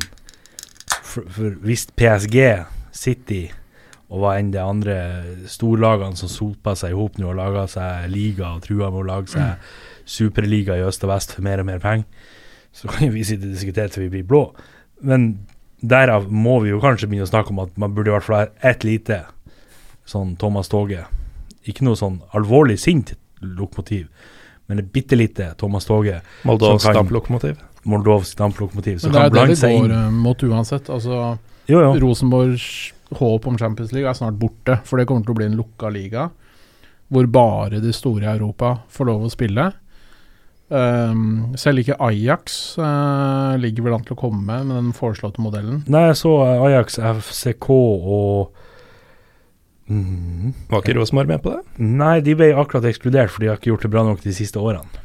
Nei, men uh, i den gjengen som uh, eh, prata om et jo, motforslag men i forslaget fra København så endte Rosenborg sitt, uh, sine dårlige resultater de siste årene Hæ? med å gjøre Så de kom ikke med der heller, nå? Nei. Men hva, hva sier Altså, jeg mener Ajax, altså. Altså, vi snakker om en av forrige århundres mest prominente fotballklubber i Europa. Mm. Ikke ønska i det gode selskap. Ikke ønska i det gode selskap. Altså, det det er, det, er, det er, jo en som bare Altså, jeg har jo jeg har ikke sett på en Champions League-kamp på sikkert fem år. Altså, de kunne ikke bry meg mindre. Det er bare bedritne millionærer som går rundt og later som de er skada. Jeg hater det med virkelig alt i kroppen min. Og PSG er det verste av alt. Jeg snakker jo om blodpenger fra et morderisk regime som er pøst inn i en sjelløs fotballklubb for å betale den største scumbagen av dem alle, Neymar for å fly rundt og fake skader. Når du sier det på den måten. Det er helt. Da har du helt rett. Men uh, ja. Det, det, var liksom min betraktning om, uh, om, Champions League. Men jeg vil gjerne at Vålerenga skal spille der i gang likevel. Neida. Er du en Eh, hykler, uh, Lars Skau? Nei, men altså, det, er, eh, det er faktisk et jævlig godt spørsmål, for jeg har lurt på det sjøl. hvis jeg var i Rosenborgs uh, Hvis det liksom var jeg, For, for jeg veit at jeg er det. Ja, jeg er det, jeg også, men samtidig så hadde ikke mm, Hvis, hvis du tar f.eks. den der ideen om hele Norges Rosenborg, da. At alle skal heie på Rosenborg, og at eh, Rosenborg er så koselige og folkelige og alt dette her sånn. Uh, det, den standingen ville aldri Vålerenga hatt uansett, fordi vi er fra Oslo og er en ganske breia, litt sånn halvidiot fotballklubb fra Oslo øst. Vil aldri Altså, vi er ikke folkelige på den måten som trøndere er. Det er derfor Petter Northug kan krasje Audien sin en rundkjøring og stikke av i fylla og fortsatt bli hylla av Esten Sæter i, i, i Dagbladet. Ikke sant? Mens en hockeyspiller som feirer SM-gull i Göteborg, og som løper ut på banen i pausen i en fotballkamp og skyter en ball i mål og får hylles fra publikum, han kreves fjerna fra landslaget av samme mann i Dagbladet. I kronikk etter kronikk. Det, det er helt absurd, men øh, det er fordi du, du trenger ikke folkesjikt så lenge du er folkelig. Det er derfor Eggen kunne løpe ut på banen midt under en kamp, tror jeg det var på Åråsen. Hoppe opp på ryggen på hoveddommer midt i kampen. Og, og alle bare lo og syntes det var kjempekoselig. Har dette skjedd? Det har skjedd. Og det husker jeg, for jeg ble helt sjokkert Jeg tenkte at nå blir han utvist. Og så bare begynte alle å le. Lede bort. Alle. Ikke rart vi drev og kasta mynter på benken han satt det på. helt uh, sykt. Så Men den standingen vil aldri Vålinga ha likevel. Men vi var ett straffespark øh, unna gruppespiller i Champions League i 2006, i Brygge. Ja, Bosco Ballaban-kampen. Det var rimelig øh, close. Uh, men kan du si det jeg er misunnelig på, er jo de utenlandsturene, da. Og de der fete opplevelsene. Jeg kunne godt tenke meg å se Vålinga vinne 3-0 i Dortmund, liksom. Det har vært helt ok, det. Det er jo helt sjukt. Og det er bare å ta av seg hatten for dem, at de har gjort det. Og da med et lag som bestående av langt flere trøndere enn den der gjengen som spiller her nå. Seieren på San Siro tror jeg de lå under også. Ja, så de de har snudd opp. og vunnet på Og eh, det- Unnskyld, eh, Giuseppe Meazza. Ja. San Siro er området. Det, det er enestående i norsk fotball, og det er bare å ta av seg hatten for. Og jeg skulle ønske at det var Vålinga som noensinne har gjort det, men det kommer aldri til å skje. Men det er ikke dermed sagt at jeg er rede til å Jeg ønsker ikke å se det igjen så mye, da. At jeg legger mine ambisjoner på vegne av min klubb på hylla de neste 15 åra. Nei, fordi eh, du har jo diskutert dette heftig på, på Twitter i sommer. De ble Eh, litt sinna, de trønderne. Trønderne ble litt sinte, og en klassiker da er jo at eh, ja, trøndere spesielt da, avfeier sånne som deg med at eh, du skulle ønske det var dere, og da hadde det vært greit at dere bare er misunnelige. Uh, jeg skal være den første til å innrømme at jeg er misunnelig på det Rosenborg har eh, gjort i Europa, uh, men det er, det er vel ikke der skoen trykker. Altså, for min del, da, hvis, uh, hvis det hadde vært sånn gamle cupvinner-cupsatser, at man fikk en kvart million for avansement og sånn, for all del, kos dere. Gjør, gjør trønderne og de nordmennene ellers som, som er interessert, eh, Champions stolt. League, Champions League har ødelagt alle ligaer i hele Europa omtrent. Spør en Sampdoria-supporter om han ønsker Juventus godt. Eller Fiorentina-fan. Ikke sant? Det, eller en uh, Spør en, uh, en eller annen i Tyskland om han uh, ønsker Bayern München godt. De Så- rykka jo inn en Var ikke han Ulli der borte? Rykka inn en helside i Bild, tror jeg det var. Ulli Hønes. Ja, før de skulle spille en Champions League-finale her sist. Hvor han forklarte det tyske folk hvorfor de bør heie på Bayern i finalen. og der bare tenker jeg Den arrogansen er Den er Så du tror ikke Fiorentina-fans tenker koeffisient eh, og Uefa-poeng når Juventus spiller semifinale i Champions League? eh, men Du kan jo høre med han eh, kameraten vår, han eh, McHanseren. Men eh, nei, det, det veit jeg at de ikke gjør. Sitter du og tripper på hjørnet der, Mikael? Ja, litt grann, for at der igjen så kommer vi tilbake til folketall og folkelighet. Jeg er ikke 100% sikker på, men jeg er relativt sikker på at hvis vi to sitter og prater, eller vi tre, sitter og prater med litt høyere promille eh, rundt et bord, så går det ikke lang tid Ja, ja, vi skal, vi skal komme dit. Så går det ikke lang tid før vi finner tak i noen fellestrekk, eller noe, kanskje til og med noen felles bekjente. Eh, Fordi at vi, vi er et ufattelig lite land. Eh, antall innbyggermessig. Mm. Og hvis i år men For dere, dere snakker veldig med Rosenborg sikkert og godt. Jeg er med faen hvem som gjør så godt. Om det er Molde eller Rosenborg eller Glimt eller Vålerenga. bare det er ett lag i Norge For, for hvis det f.eks. var Vålerenga som fikk 250 millioner fra sus rundt nede i Europa og dumme seg ut, som Rosenborg kommer til å gjøre hvis de kommer inn, så kommer de antageligvis til å tenke at vi må ha bedre spillere. Og så ser de til eh, de beste spillerne i hjemlig liga, og så ender de opp med å kanskje Kanskje vi begynner med utkjøpsklusuler til og med her til lands. Jeg vet at Glimt har ikke mindre enn 57 millioner for Håkon Evjen. Ikke, nei, men det er helt sant, ikke noe under. Fem til sju, eller 57? 57. 57. Ingenting mindre. Det er ikke sikkert de får det. Det er jeg helt sikker på at de får. Det må bare finne den rette idioten borti et dumt eh, land med altfor mye penger. Jeg vet at England Italia. er steingod å bruke penger på ting som ikke er relevant. Tror Jim Solbakken kjenner noen folk borti Saudi-Arabia som Jim han kjenner de fleste. Han kjenner folk i alle de mørke hjørnene av verden. De har penger. Jeg vil bare klarifisere en ting. Altså jeg, det er ikke sånn at jeg ønsker eh, å aldri se noen norske lag i eh, gruppespill i Europa. Eh, jeg syns det var veldig kult at Sarpsborg var med, f.eks. Og ehm, jeg Altså, Europa League er egentlig Hvis hvis du tenker koeffisient, da, så er det nesten bedre at man kommer til Europa League. Fordi poengsummen de samler inn, er nesten det samme. Du får ett mer poeng for å gå til gruppespillet i Champions League, men poeng for uavgjort og seier er det samme. Så da Når, kan man når du først er med, altså. ja. Uh, så um, det, la oss si at de klarer et par uavgjort hjemme på Lerkendal eller et eller annet i Europa League. Da har du plutselig ett poeng mer enn du kanskje ville hatt eh, med Som du ville hatt da med seks tap i Champions League, f.eks. Mm. Og når de da eventuelt har vært og plukka opp den beste spilleren på det gitte laget de føler at de må ha, og spredd ut penger for at vi er blitt flinkere i Norge til å drive klubb, så har du Snakk for deg sjøl.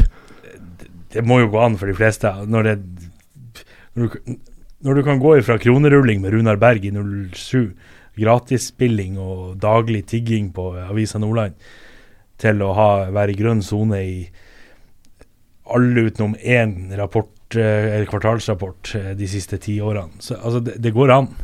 Ja, for dere som ikke er fra kronisk underpresterende sone klovneklubber som Jo, eh, men altså, det her er jo snakk om opp og ned av Obos og ikke Men, men det er jo Hvis da han og Evjen blir kjøpt for 57 millioner Tenk deg hvor mange trenere, eller speidere, eller fedre man kunne ha betalt for å dra på en ekstra tur til Flakstad, IL, for å se på han, han ene litt, litt halvfeite brumlebassen som kan trenes i form.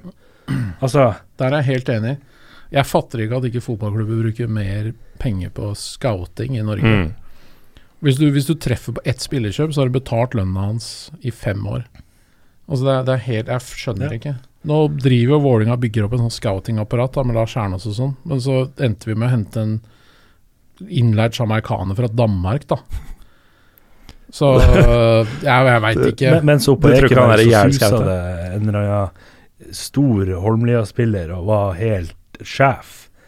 ja, han gikk til godset. Han gikk til godset. Det er greit nå at det er kort til Drammen, men eh, Holmlia, Oslo øst Det må jo Ja, være Vålerenga være ute etter en spiss.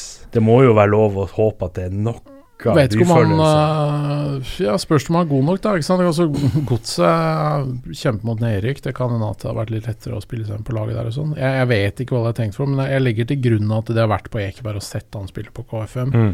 Men jeg syns det er litt rart at han uh, ikke havna i Vålerenga nå. Det syns jeg. Eller kanskje dratt på en Kongsvinger Uansett, men i hvert fall de 57 millionene som nå er kommet inn, hypotetisk sett, til, til klubben min, så kan de eh, lønne det nest beste talentet i klubben litt mer, og tilby han en bitte litt bedre kontrakt, som varer litt lengre. Så at neste gang Rosenborg eller Molde har penger på bok og har lyst til å kjøpe en spiller, så koster de mer, fordi at han har en kjempekontrakt. Det er jo kjempelang. Han signerte jo i går. Han har fire år igjen, hva du vil. Men jeg, jeg, jeg, jeg skjønner hva du sier, at det er en optimal måte å bygge klubb på. Altså være gode på talentutvikling, selge til Rosenborg og Molde osv. Investere de penga, altså sakte, men sikkert bygge seg opp. Jeg skjønner det, men hvis uh, Bodø-Glimt gjør det perfekt år etter år etter år, så vil det kanskje være der Rosenborg er nå, når du er 70 år. Ja, men vi skal ikke være der Rosenborg er. På et eller annet tidspunkt så, så klarer jo Rosenborg f.eks. Og kanskje vinne nok. Ja, for de vil utvikle seg videre. ja, for de har kjøpt opp nok eh, Lillestrøm og Glimt og Vålerenga-spillere til at de kan vinne to kamper i Champions League. Kjøper de nok Lillestrøm og Vålerenga-spillere, så betyr det jo at de er ute av Europa. Måtte ikke spille. Men i hvert fall nok spillere med, med talent til at de kan kanskje vinne et par kamper. Eh, og, og det her, nå tar jeg høyde for at 90-tallet det, er det var ingen i Norge som kunne drive fotballklubb da, bortsett fra Rosenborg. Det er riktig. Det, det, altså, ja, de, var, de hadde steinmye penger, men de klarte jo, som han leste opp, å forvalte de på en steingod måte. Men det begynner jo å bli flere av de nå. Haugesund er ganske god og for, mm, dårlig eksempel. Eh, Sogndal, Glimt, eh, Ranheim klarer jo med semiprofesjonelle spillere å gjøre et eller annet som gjør at til og med Løkberg, når han får litt eh, får muligheten til å være litt sjef i Viking, så spiller han jo plutselig fotball igjen. Det er magisk å se på. Så over en viss periode, kanskje til og med kan gå så langt som 20 år, så er det flere klubber som har klart å få i tak i noe av de pengene til Rosenborg. Vi må, jo, vi, vi må jo bli like stygge som i England. Hvis du har en hjemme homegrown player med nasjonalitet i Norge, så skal det jo koste heroin. De skal koste sjukt mye penger. altså det skal, det skal blø å kjøpe talenter. Hørte jeg deg rett? Skulle det koste heroin? Ja. det er en uh, beklagelig talemåte. Start, start med sterke sitater ja. denne sesongen. ja, så, uh, så, sprer det seg jo. Og fordi resterende La oss si vi har brukt 7 millioner på å sende 14 fedre på, uh, på Flakstad-kamper. Og et par millioner på å forlenge kontrakten til en Jens Petter Hauge. Og så begynner han å bli god plutselig, for han får tillit fra Håkon er borte. Uh, så kan man også begynne å vurdere om man skal hente inn akademitrenere fra Norwich.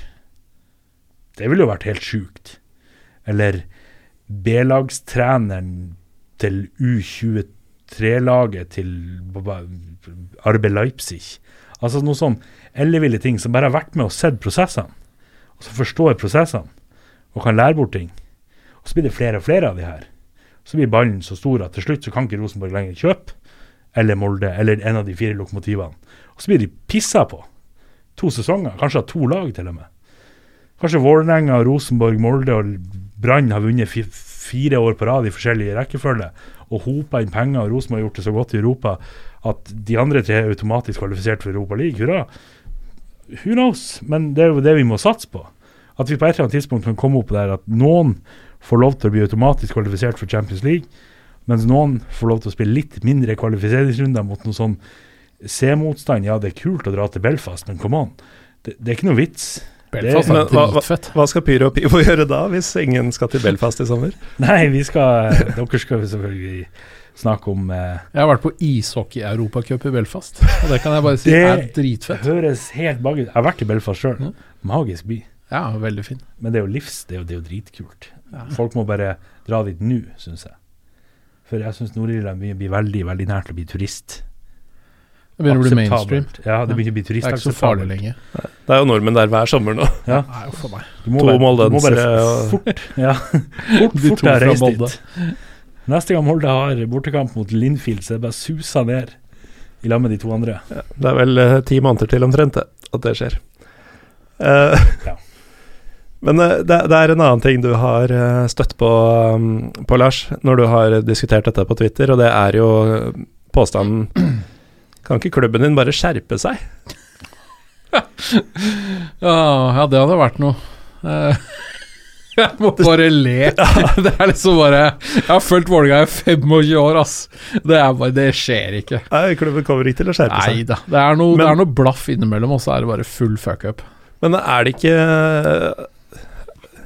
Nei, men, det, det, kommer jo igjen da, stort sett fra trøndere, dette her. Jeg skjønner, skjønner og, hva de sier. Eh, det er, jo, det er, jo, sikkert lett for dem å si, ja, ja. men samtidig så er sånn Klubben deres har jo ikke trengt å skjerpe seg på 30 år. Det er sånn 'stopping poor', liksom, når Paris Hilton sier det. Ja. Det var en som sendte den til meg, faktisk, på Twitter.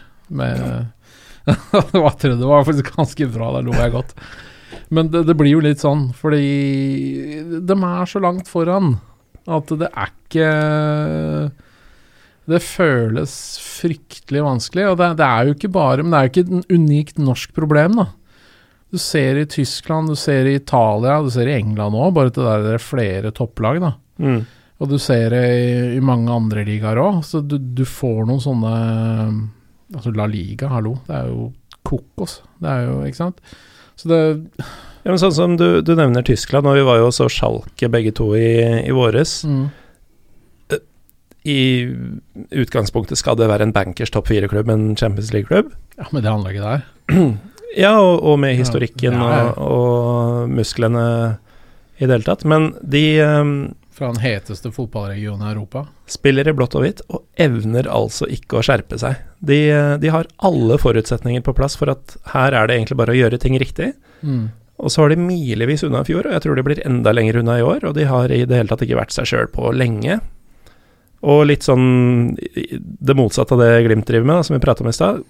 Går treneren ut, så kommer en helt sånn tilfeldig fyr inn sånn Han her er en god trener. Eh, samme om han har bruk for de spillerne vi har, eller eh, Men det er på en måte det som beskrives her, da. Mm. øh, At um, du beskriver jo en fotballklubb som skjerper seg, og som gjør alt riktig. ja, for Glimt har virkelig skjerpa seg. Ja, Så sånn vi, hvis det er sjargongen vi bruker. Ja. Så alt han sa har de skjerpa seg helt utrolig. Og det var Men jeg, jeg veit ikke om det er nok. Fordi at de, de er så langt foran. Altså, når, når Rosenborg har et fryktelig uår, så kanskje de ikke vinner ligaen. Fordi Molde gjør det, fordi de også har veldig mye penger. Men hvis Rosenborg er middelmådig eller bedre, så vinner de ligaen. Og så vinner de sannsynligvis eh, cupen, eller i hvert fall kommer til cupfinalen. Nå trykte de opp T-skjorter med motgangssupporter på, fordi at de hadde det så fælt. Ja, de hadde vel bare to seire på første fem, eller noe sånt, så da var Ja, det tungt. da var det T-skjorte-time. Jeg mener Ja, altså, vi andre bare Her, liksom? Kan, kan dere Altså, de, lever jo på en helt annen planet Mm. når du, når du velger å gjøre sånn. Du prøve å sette deg litt inn i livet til, til oss tre som sitter her. De hadde jo fått nervesammenbrudd. Jeg tror det er en lite, mm, lite fristende tanke for enhver trønder å prøve å sette seg inn i noen av våre liv. Men for å svare på spørsmålet ditt. Eh, ja, de kan skjerpe seg noe jævlig, men det er jeg, jeg er ikke sikker på om det er nok. Fordi at du får en så vanvittig fordel. Etter hvert så, så skillet blir så stort, og det er det som jeg er redd for. da, at når du Hvordan skal det gå med disse klubbene som lenger ikke har noe håp?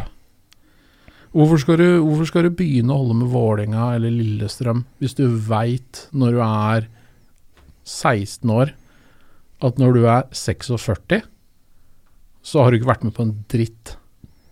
Det er ikke Det er vanskelig å rekruttere nye fans til eh, de norske klubbene rundt omkring hvis uh, Ja, men det, går, det går også på fankultur, for det er ingenting som er verre enn eldre fans som har vært der siden gråstein og mm, Nei, sånn, altså, hvis- det, som, som blir veldig sånn nedsettende. Ja da, men hvis, hvis jeg da, eh, gud forby, skulle få en uh, sønn, så ville jeg jo lagt sjela mi i å få han til å gå på Åråsen. Vel vitende om at det vil gjøre livet Altså, jeg vil ødelegge livet hans. Det vil legge livet hans i grus. Og jeg, og jeg veit hva jeg gjør. Men eh, det er så viktig Det er som en sekt. Ja, men det er nettopp det. Det er nettopp det, for det er så viktig for meg, tydeligvis, å spre dette faenskapet videre til det som jeg mest sannsynlig elsker mest i verden, dersom dette igjen, gud forby, skulle manifestere seg. Um, og i en tid hvor jeg vet Altså, jeg er ikke noen selger av natur. Jeg vet jo, når jeg prøver å få denne imaginære sønnen inn på Åråsen, at eh, jeg kan ikke love deg et eneste godt øyeblikk om du går inn i denne kulten her. Og ved siden av så har du TV-en, hvor du har verdens beste fotball Mm. eh, til en forholdsvis rimelig penge hver uke ut og inn. Eh, på den tida når vedkommende da er 12-13 år, så er det ikke lenger en tid hvor man holder med lag, da holder man med spillere. Så du kan se favorittspilleren din der eh, klokka tre, og så spiller favorittspilleren din der den andre favorittspilleren klokka seks på en annen kanal. Ehm, litt usikker på hvor jeg skulle nå, men um, jeg tenker at eh, når um, Her er jeg ved et veiskille, da. Fordi jeg er jo på Team Lars akkurat her. Jeg vil jo ikke at Rosenborg skal til Champions League. Jeg vil uh, spesielt ikke at Molde skal til Europa League. Men jeg vil gjerne at norske klubber plukker Uefa-poeng. Jeg, jeg vil jo at det skal være et håp. Altså, Ja. jeg, vil, jeg vil at folk skal holde med norske klubber. Eh, og, og det er jo vanskelig å få til framover hvis man samtidig ønsker at uh, her skal det bare være tristesse og faenskap. Ja, det er nitrist. Men uh, Du er jo LSK-supporter. Ja, det, Har ikke du nettopp vært et par runder i en cupfinale? jeg mener å huske en cupfinale for to år tilbake som, som var jævlig gøy. Det var ah, det. det, ja? ja ok, så det var ikke bare bekmørkt? Nei, jeg, men husker, jeg husker en, en tapt cupfinale, en andreplass i serien i 2003. Altså, Mm. det, det var helt magisk. Vi kjempa. Vi var i nærheten. Vi var Vi stressa. Jeg husker et seriemesterskap, men det er nå 15 år siden. Ja. Snart. Og det Jeg kan godt vente 15 år til hvis jeg vet at det kommer et seriemesterskap om 15 år, men eh, det er Men bare, det er det. Altså, Davy Vatne var ute vet ikke jeg, i 2002 eller noe, valgte jeg tilfeldig år, og sa at han hadde for lengst innfinnet seg med at um, han aldri kom til å oppleve et nytt branngull. Jeg vet ikke om han opplevde 63, jeg er litt usikker på hvor gammel det Davy er. Kanskje han gjorde det. Ja. Han var. Men om, om han da var i Norge, det vet jeg heller ikke. Han er vel Mm. kanadisk eller noe sånt. Amerikansk. Uh, ja, amerikansk. Men øhm, uansett så skulle han i hvert fall ikke oppleve et nytt branngull i sin eh, levetid. Og, og det var sånn der, eh, det, det var ingen som rynka på nesa av det. Det var sånn Nei, selvfølgelig er Davy død lenge før Brann vinner neste ligagull. For det, for det første ville det ikke skje i løpet av de neste 20-30 åra. Det ville aldri skje. Og så vant de da si fem-ish år etterpå. Um, og jeg har jo også for lengst innfunnet meg med at uh, siden jeg ikke var stor nok i 1989, så ville jeg aldri oppleve et Lillestrøm-gull. Ferdig snakka. Ja. Men det var nok like reelt for Davy som det er for meg, da han Mm. sa det. Og plutselig så kommer eh, Molde, eller det er jo typisk Molde, for det er de som stikker med LSK-spillerne, eh, inn og henter det neste vingtalentet deres. Ja, det må de bare gjøre. Hent Ødemarksbakken, Ja. eller hva han heter for noe, eh, Molde. for 30 millioner. Og så kan dere kjøpe dere én storskårer i à la Antony Ucha, og en og kan hente inn to juniorspillere ekstra det året. Og så viste det seg at de juniorspillerne var jo bare De var bare nervøse de to første kampene. De neste sju så herja de. Og så har plutselig Lillestrøm For det er jo det man må være som fotball... Altså Jeg skjønner at dere er litt eldre enn meg, men man må jo drømme. Jeg liker optimismen din, da, men jeg tror du har noe med alder å gjøre. Altså, herregud, jeg satt jo i, er i 2004, når vi etter at vi har kommet på andreplass og skulle ut i Europa League og møte Besjiktas. Og et par år, måneder senere så skulle vi ut og møte Kongsvinger i kvalik. Altså, jeg var jo, jeg var jo ferdig. Det var jo ikke noe vits. Hva faen? Og så rykka vi ned året etterpå. Mm. Og så plutselig må vi møte Odd i en kvalik i 2007, der ingen har slått et tippeligalag. Piss off, Odd, gå og legg dere. Ja, modellen Helsike Stageile var den sutringa. altså, han sutra. Det er- Sutring er dere ikke noe glad i i nord. Det er vi sutrer. Det er det vi, vi, vi kan det, men du kan ikke Dag Eile øh, sutring og Sånn First Price-sutring. Det skal gjøres ja, skikkelig. Det skal gjøres ordentlig. Ja. Du skal være ordentlig sytende nordlending. Vi har uh, fått inn noen uh, hva skal vi si, innspill fra sosiale medier som jeg tenkte vi kan lese om et par av, og så kan vi si hva vi mener om personen og det personen sier. Eh, kan jo begynne med det som jeg antar er en Glimt-fan, fordi han allerede har best... Ja, på grunn av det som kommer. Kristoffer Klette. Han er Glimt-fan. Han heter Klette. Klette. Klette, og de er sinnssykt rike. Nei, de er ikke det. De er sånn, de er sånn nordnorsk-rik. Er det en sånn Hva, hva er nordnorsk rik? Er, det er sånn Er det arving til Nordlandspils? Nei, jeg drev på med noe, noe, noe, noe optikerkjeder og sånn eh, Ja. i Bodø og området. Det får du spenna oppi der. Det er ja. mye briller i nord. Åh, ja. Mye fiskere som driver og mister de på havet. Det er i hvert fall Kristoffer Klette. Han uh, sier han vil ha Rosenborg til Champions League, siden han ikke vil ha noen norske lag i Europaligaen. Norsk lag betyr nemlig at siste serierunde flyttes til søndag, og jeg har allerede bestilt tur til Molde. Og Glimt skal da til Molde i siste runde. Det skal de. Um, det er vel ikke så mye å kommentere på det. Det er jo i hvert fall en ehm, Man kan jo trøste seg med at han kan nyte Molde selv om det ikke er match, da. Han setter Du, jeg har faktisk hørt mye om Molde, og det er ikke noe positivt som by, men jeg vet ikke, jeg har ikke vært her. Nei, um, ja, det er døvt. Ja, det har jeg hørt. Dersom man eh, dropper Wikipedia og alt annet, da, bare bruker Pyro og Pivo for å lære om Molde by og Molde fotballklubb og sånn, så vil man også ha samme inntrykk, tror Ok, jeg. ja. Etter tre sesonger så er vel det ganske banka inn.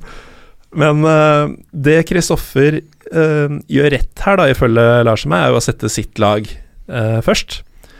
Selv om det da på sikt ikke er å gjøre det. Men uh, han er uh, bortesupporter og skal ha med seg denne matchen, og det er det viktigste. Ja, men han har råd til å kjøpe seg dyr flybillett, så det går fint. Han har Ja, men faen.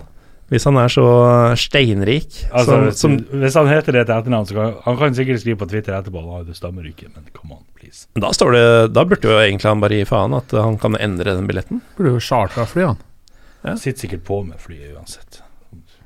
Kan sikkert sitte på med Glimt Liksom. Ja, ok, Kristoffer, jeg, jeg respekterte um, argumentet ditt, men etter å ha hørt indisier om uh, din uh, status, så er jeg ikke helt enig i at uh, dette er riktig. Men nå skal du få høre, Lars. Mm. En fyr som holder med Vålinga, Oi, som oi. du mest sannsynlig har sett på Twitter, Ole Aasheim. Ja. Han sier følgende, og dette overrasker meg siden han er Vålerenga-fan. Har alltid sagt at vi må støtte hverandre i Europa, for det gagner norsk fotball over tid. En seier for Molde her er en seier for norsk fotball, først og fremst. Hvis man setter seg inn i koeffisient, så er det sinnssykt viktig at norske lag leverer de neste åra, Molde inkludert. Da sier jeg ja takk, får dem til Europaligaen. Det er mye penger der òg, da. Men Det er det, for Moldes del så har kanskje mye ikke mindre. Det er eh, 100 mil kontra 250, det er fortsatt mye penger. Og Molde har jo et økonomisk konkurransefortrinn uavhengig av om det kommer mer fra Europaligaen. Ja, egentlig. De har en rik onkel som er med og betaler uansett. Eller så Ole, Ole Aasheim, ja. Eh, ja. Jeg ja. Jeg er ikke så overraska over at han sier det. Han er eh, Han er glad i alle norske lag, han. Han Ja. sier er også glad i landslaget. Han er, han er glad i norsk fotball. Han er glad i norsk fotball, men han, han kjøper den lokomotivmodellen, da, ikke sant. Mm. Fordi alle fotballekspertene sitter og sier det, for det på en måte er riktig å si hvis man sitter i et Champions League-studio, så kan man jo ikke egentlig si noe annet. Nei, men, men det gjør jo ikke Ole Aasheim, da. nei, nei, ennå. han har sett Han har vært i et studio. Uh, han har vært på TV 2, tror jeg. Mm. Han som Atletico Madrid-supporter. Aha. Som gjest, mener jeg å huske. Han uh, drev vel en eller annen sånn uh, norsk fotballstats-twitter eller noe sånt for noen år siden. Ja, Norway Stats. Ja. Den ble stengt, tror jeg, den kontoen litt sånn av og på. men han, han er jo glad i norsk fotball og har da uh, et syn på hva som gagner norsk fotball, som er mer Mm. likt uh, ditt, eh, Mikael, Mm. enn det ditt er, uh, Lars. Ja. Og jeg syns det er interessant å se hvem disse Det er, det er gutta som har sendt inn, holde med, fordi eh, jeg tenker alltid at det er håper å si, mer naturlig at en fyr fra Bodø eh, ønsker eh, andre klubber vel, enn at en fra Vålerenga gjør det. Og having said that, så har vi Strømsgodset-fan Andreas Bryn, også en eh, aldri så liten Twitter-legende. Ja. Eh, han sier dette. Jeg vil ha det som Stor vil. Jeg vil ha det som er av norske lag videre. Alle. Alle til Europa. Norsk fotball trenger mer positiv PR.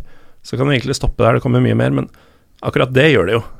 Vi vil jo alle tre ha flere folk som følger norsk fotball, som drar på kamper, som Det det. Det er snakker om norsk fotball på jobb osv. Men der har jo media en jobb å gjøre, ikke sant. Altså, de er jo Det, det er jo Jeg husker når Vålinga f.eks. tapte mot Staua Bucuresti. Så ble vi jo lynsja i norsk presse. For å tape mot et sånt mongolag fra Øst-Europa var jo helt ubrukelig. De gikk til var Mhm. noe kvartfinale eller noe sånt nå, uh, Europa League det året. Hadde med Mirel Radoy og Banel Nicolita og masse bra landslagsspillere. Ikke Ble sant? litt kram her. Ja, og det Vi har en tendens til å undervurdere en del av lagene vi møter òg, da, ikke sant. Eh, pluss at hvis, hvis, hvis Rosenborg i 98 er gullstandarden som alle skal måles etter, så, så blir jo Da blir alt, alle motstandere dritt. Da blir alle motstandere dritt. Uh, så vi må slutte å snakke ned motstanderne som vi møter, og særlig lag fra Øst-Europa. Vi må respektere lag fra Øst-Europa. Husker før uh, vi møtte Wisla Krakow, så hadde jo han Kjetil Siem, som da var daglig leder i Vålerenga, hadde sagt at vi håper, jeg håper vi ikke trekker et traktorlag fra Øst-Europa, så vi Wisla Krakow. Og de hadde fått med seg det, ikke sant. Mm. Så de hadde jo sånn traktor-tifo når vi møtte dem. Eh, de slo jo faktisk ut, da, men de var jo gode, ikke sant. Eh, så, så vi må kjenne vår plass i systemet, være litt mer ydmyke, syns jeg, overfor de motstanderne vi møter. Mm. Kanskje media kunne skrive litt mindre om Ole Gunnar Solskjær og litt mer om norske lag i Europa, så hadde det vært fint. Eller visst litt mer. Visst litt mer. Haugesund mot PSV. PSV Eintoff Altså, det Ja, altså, måtte, måtte Haugesund kjørte matchen mot PSV bort i perioder. Og for å se det måtte du ha abonnement på lokalavisa i Haugesund. Ja, det er så Det, det er bekmørkt. Er natta. Mm. Men der igjen også, etter en viss tid med dette lokomotiv Fire lokomotiv Jeg skal ikke ha ett, for det er livsfarlig. For da, da blir det som før. Det er det vi har. Da blir det Ja, nå har vi det, men det er jo ikke Det er jo ikke snakk om at vi skal Mikael er en visjonær, Lars. Ja, vi må Ja, ikke ok. stå i en evig standstill. Plutselig så kommer det Plutselig er det en eller annen amerikaner som faktisk har penger på bok og har lyst til å gi til en norsk klubb. Ikke bare litt sånn Hei, hei, I'm Danny Hayes. Nå får ikke du mer øl. Har du fått med deg han Danny Hayes? Danny Hayes? Ja. Det tror jeg ikke. Han visjonære amerikaneren som kom til Bodø og skulle bygge sånn eh, datamining-senter. Så bitcoin eh, Ja, ja. Og oh, ja. han skulle sponse Glimt med 10 millioner hvert år i tre år. Det her var jo, det her var jo publisert på nettet f f før man fikk sjekka hvem han var. Det var selvfølgelig en NRK-journalist som bestemte seg for han måtte jo grave. Fant ut at det her var jo den største mm, ever. Mener du at et bitcoin-scheme i Bodø ikke ble Det ble ikke, det ble ikke reelt. Altså, han skulle, han skulle bygge Hvem så mye. Han skulle bygge så mye. Han, kommunen var med, og Innovasjon Norge som, som hooka han opp med Bodø kommune. Så hva det er for noe det her. Men plutselig kommer det en reell sånn, tur. Ja. The Ja, real Daddy Haze Hayes dukker real opp og- Daddy Haze, liksom. med sånn pose med dollartegn på ryggen og banker på lokalene til Pål Dette er den gamle sånn der onkel i Amerika-ønskedrømmen. Ja, ja. ja. Harvard In eh, Investment Group, eller hva han kalte seg for han representerte. Det er helt, det er helt bekmørkt. Hvilken klubb i Norge ville mest sannsynlig gått på en sånn e-mail fra en prins i Nigeria?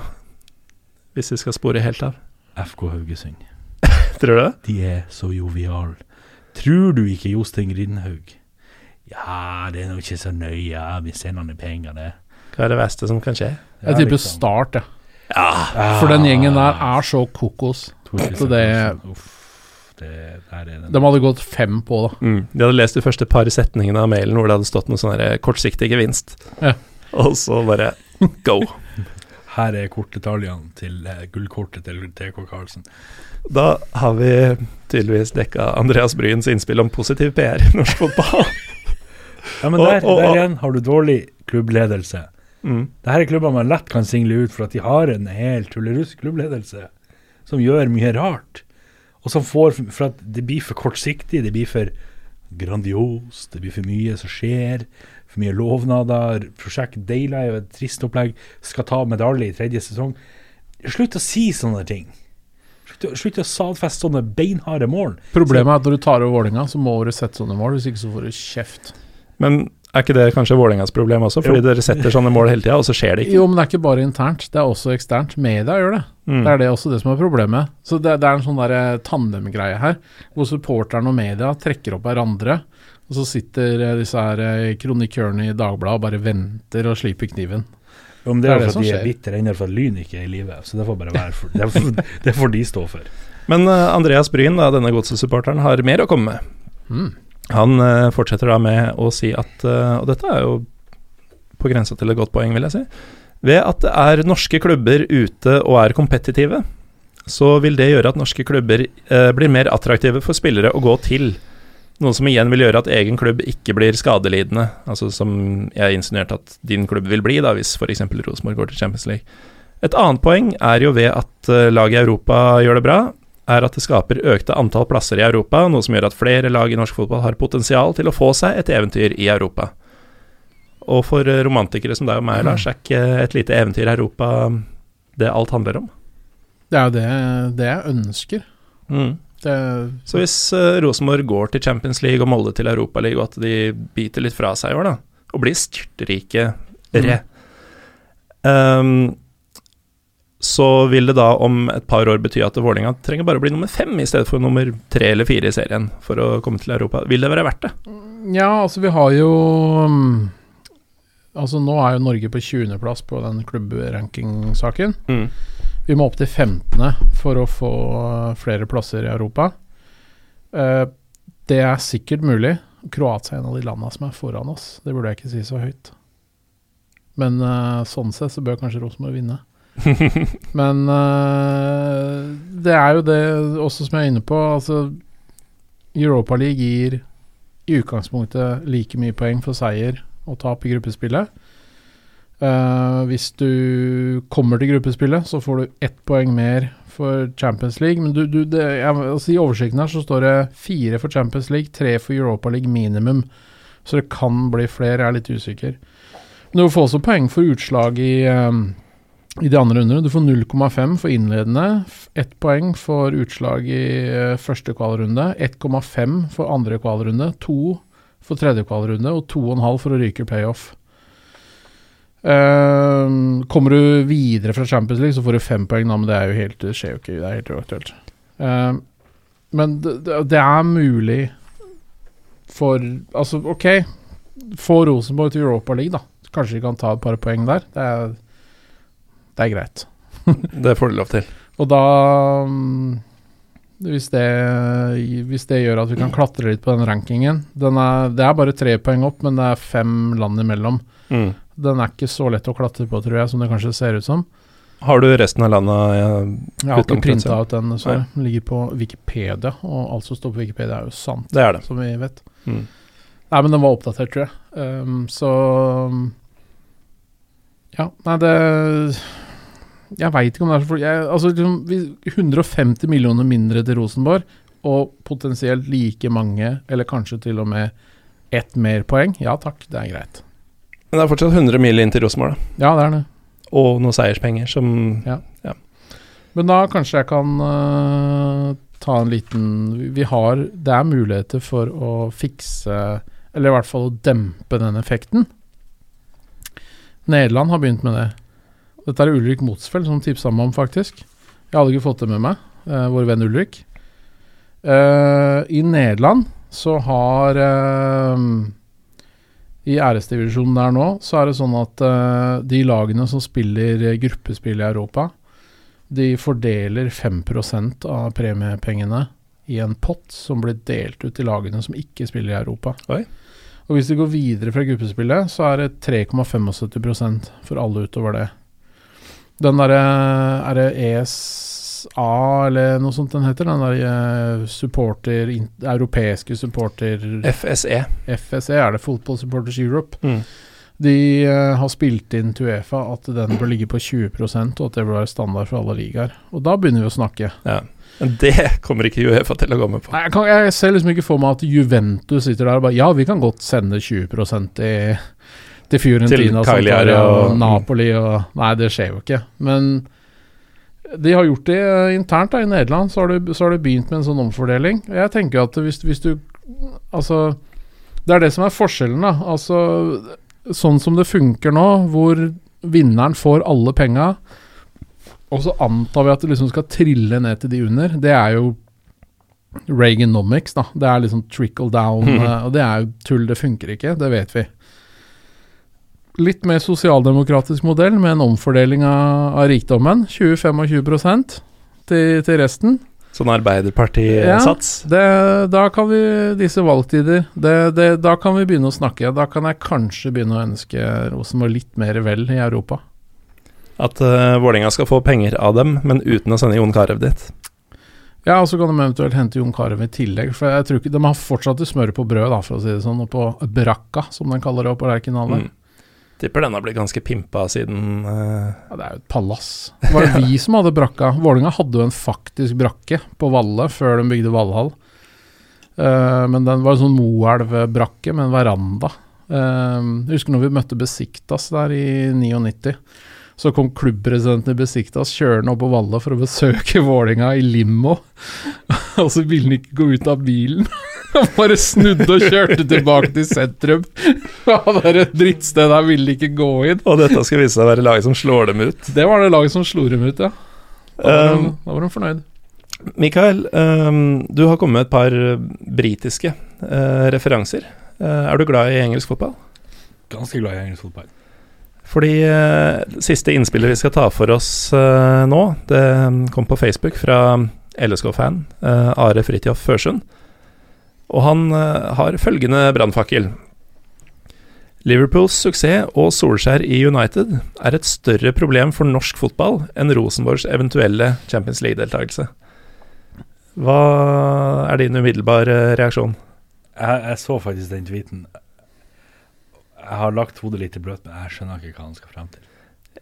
Hva tror du han mener, eh, Lars? Jeg tror han mener eh, mediedekning, eh, den som noen andre tweeteren var inne på, med mediefokus og sånn, og Mm. da har han nok på en måte rett. Altså det, det påvirker jo ikke en Eliteserien direkte sånn i premiepenger og konkurransevridning og sånn, men det er klart det er jo et kjempeproblem at uh, disse klubbene Altså du går på Norway Cup da, eksempel, på Ekebergsletta. Det er jo så deprimerende. Altså det, er, det er bare Barcelona og Liverpool og Manchester United-drakter overalt. Og så er det noen sånne hipsterunger som skal ha PSG-drakt, for de tror det er kult. Det, det er enda verre. Det ble ikke helt sånn der Så, sint å sånn, de sånn, jævla unga. sånn jeg tolker uh, Are her, uh, Mikael, så tror jeg mener at det, det stadige mediefokuset, og kanskje også foreldres fokus på uh, ja, Solskjær i United, Liverpools suksess, disse klubbene i særdeleshet, da, men engelsk fotball i det hele tatt, at det på sikt vil gjøre norsk fotball enda mindre enn den er. At det som publikumsidrett, som, som et interessefelt for den oppvoksende generasjon, at det um, antagelig er det som da, hvis man skal være veldig dramatisk, vil være kroken på døra, heller enn det at Rosenborg blir enerådende igjen. Nå syns jeg vi kan eh, Først kan vi skryte av Eurosport eh, etter at de tok over eh, Eliteserien. Mm. For det første virka produktet mye mer profesjonelt enn det gjorde med bare studiosendingene til, eh, til eh, TV 2. Så du er eh, pro Eurosport? Faktisk. Og så har de jo begynt å utnytte seg av media som ikke var helt store og ikke fantes, men de har jo podkaster i øst og vest. Mm. Det, er en, det er jo ikke en ting de ikke dekker i en podkast. Fryktelig mange podkaster Ja, det er dere helt vanvittig. Og eh, jeg får daglig opp Det kan være at jeg går inn og sjekker litt ofte, siden Facebook-algoritmen forteller meg at eh, Se hva denne Se denne helsprø volleyen Altså, de må jobbe litt med skribentene sine, men det kan ikke det kan ikke fotballklubbene lastes for. Mm. Eller United, at de har litt sånn underpar i tekstforfattere på Eurosporthuset. Det får bare være. Men eh, at TV 2, som har tapt det produktet, og har det eneste produktet de har igjen og har betalt altfor mye for, jobber ræva av seg for å fokusere på at folk skal klikke på de forbanna sakene om Solskjær sin badeand. Altså, det er jo fullstendig irrelevant. Men de lykkes. Ja, men det er jo for at folk er dumme. Det er folk vil lese. Det er veldig, Ja, veldig altså, trist. Men da, der må jo foreldregenerasjonen gå foran. For jeg, jeg vokste opp med en, med en far som det eneste som sa 'Jeg med faen kan du heier på England'. Bare hate Arsenal, så er det greit. Vi hater Arsenal, for de var tydeligvis bare ekkel. Jeg vet ikke. eh, og et norsk landslag som var sterkt, som jo at hver gang det var fotballkamp, så ble det, ble det noe ekstra. Når det var no Norge skulle spille kamp. Mm. Selv om det var bekmørke år og skulle å følge med. Nils Johan Semb og Ja, du kom inn på den Åge- tida. Åge Hareide. Altså, det, det, det Oi, oi, oi, oi, oi. Det er tungt. Jeg er jo gammel nok til å ha fått med begge VM-ene. VM-ene, selv om jeg ikke var sånn spesielt bevisst som tiåring i 94. Men um, jeg også er oppvokst med at eh, landskamper det var en stor greie. Ja. Så fort en kvalikkamp eh, var unnagjort, så var det sånn Når er neste? Og så gikk man og gleda seg til det som 10-11-12-åring. Det er jo gullalderen til norsk landslagsfotball. Ja. Mm. Kvalikkampen i Polen i 93. De sparka polakken opp og ned banen i 90 minutter. Grisebanka dem og vant. Altså, det var et helt rått, det norske laget der. Men det er jo spillere som Mange av de gikk jo vel til utlandet ganske tidlig. Altså, trengte vi norske klubber for å utvikle de? Det vet jeg ikke. Men Mm. det var jævlig gøy. Jeg skulle ønske vi kunne ha det sånn igjen, altså. Og det kan vi jo. For å spinne litt videre på, um, på Are Fridtjof Førsens uh, innlegg her, da, så er det vel kanskje tendensen som man uh, tenker mest på. Fordi sånn som Jeg, jeg tror det er forsvinnende få uh, i forhold til i 1995 tolvåringer som uh, syns den månedlige landskampen er høydepunktet på fotballkalenderen. Um, og det er jo ikke bare fordi landslaget er dårligere, selvfølgelig var, jo, var det lettere å få folk med når landslaget vant. Ja, Og, altså, og for landslaget er jo Det er flere grunner om, altså, oss som stående og syngende supportere Mm. Har du noensinne følt deg velkommen på en landskamp? Jeg føler eh, landskamper som en sånn fremmed arena, og, Ja. det, og det er så Det er rart, for jeg, jeg er på så mye fotballkamper.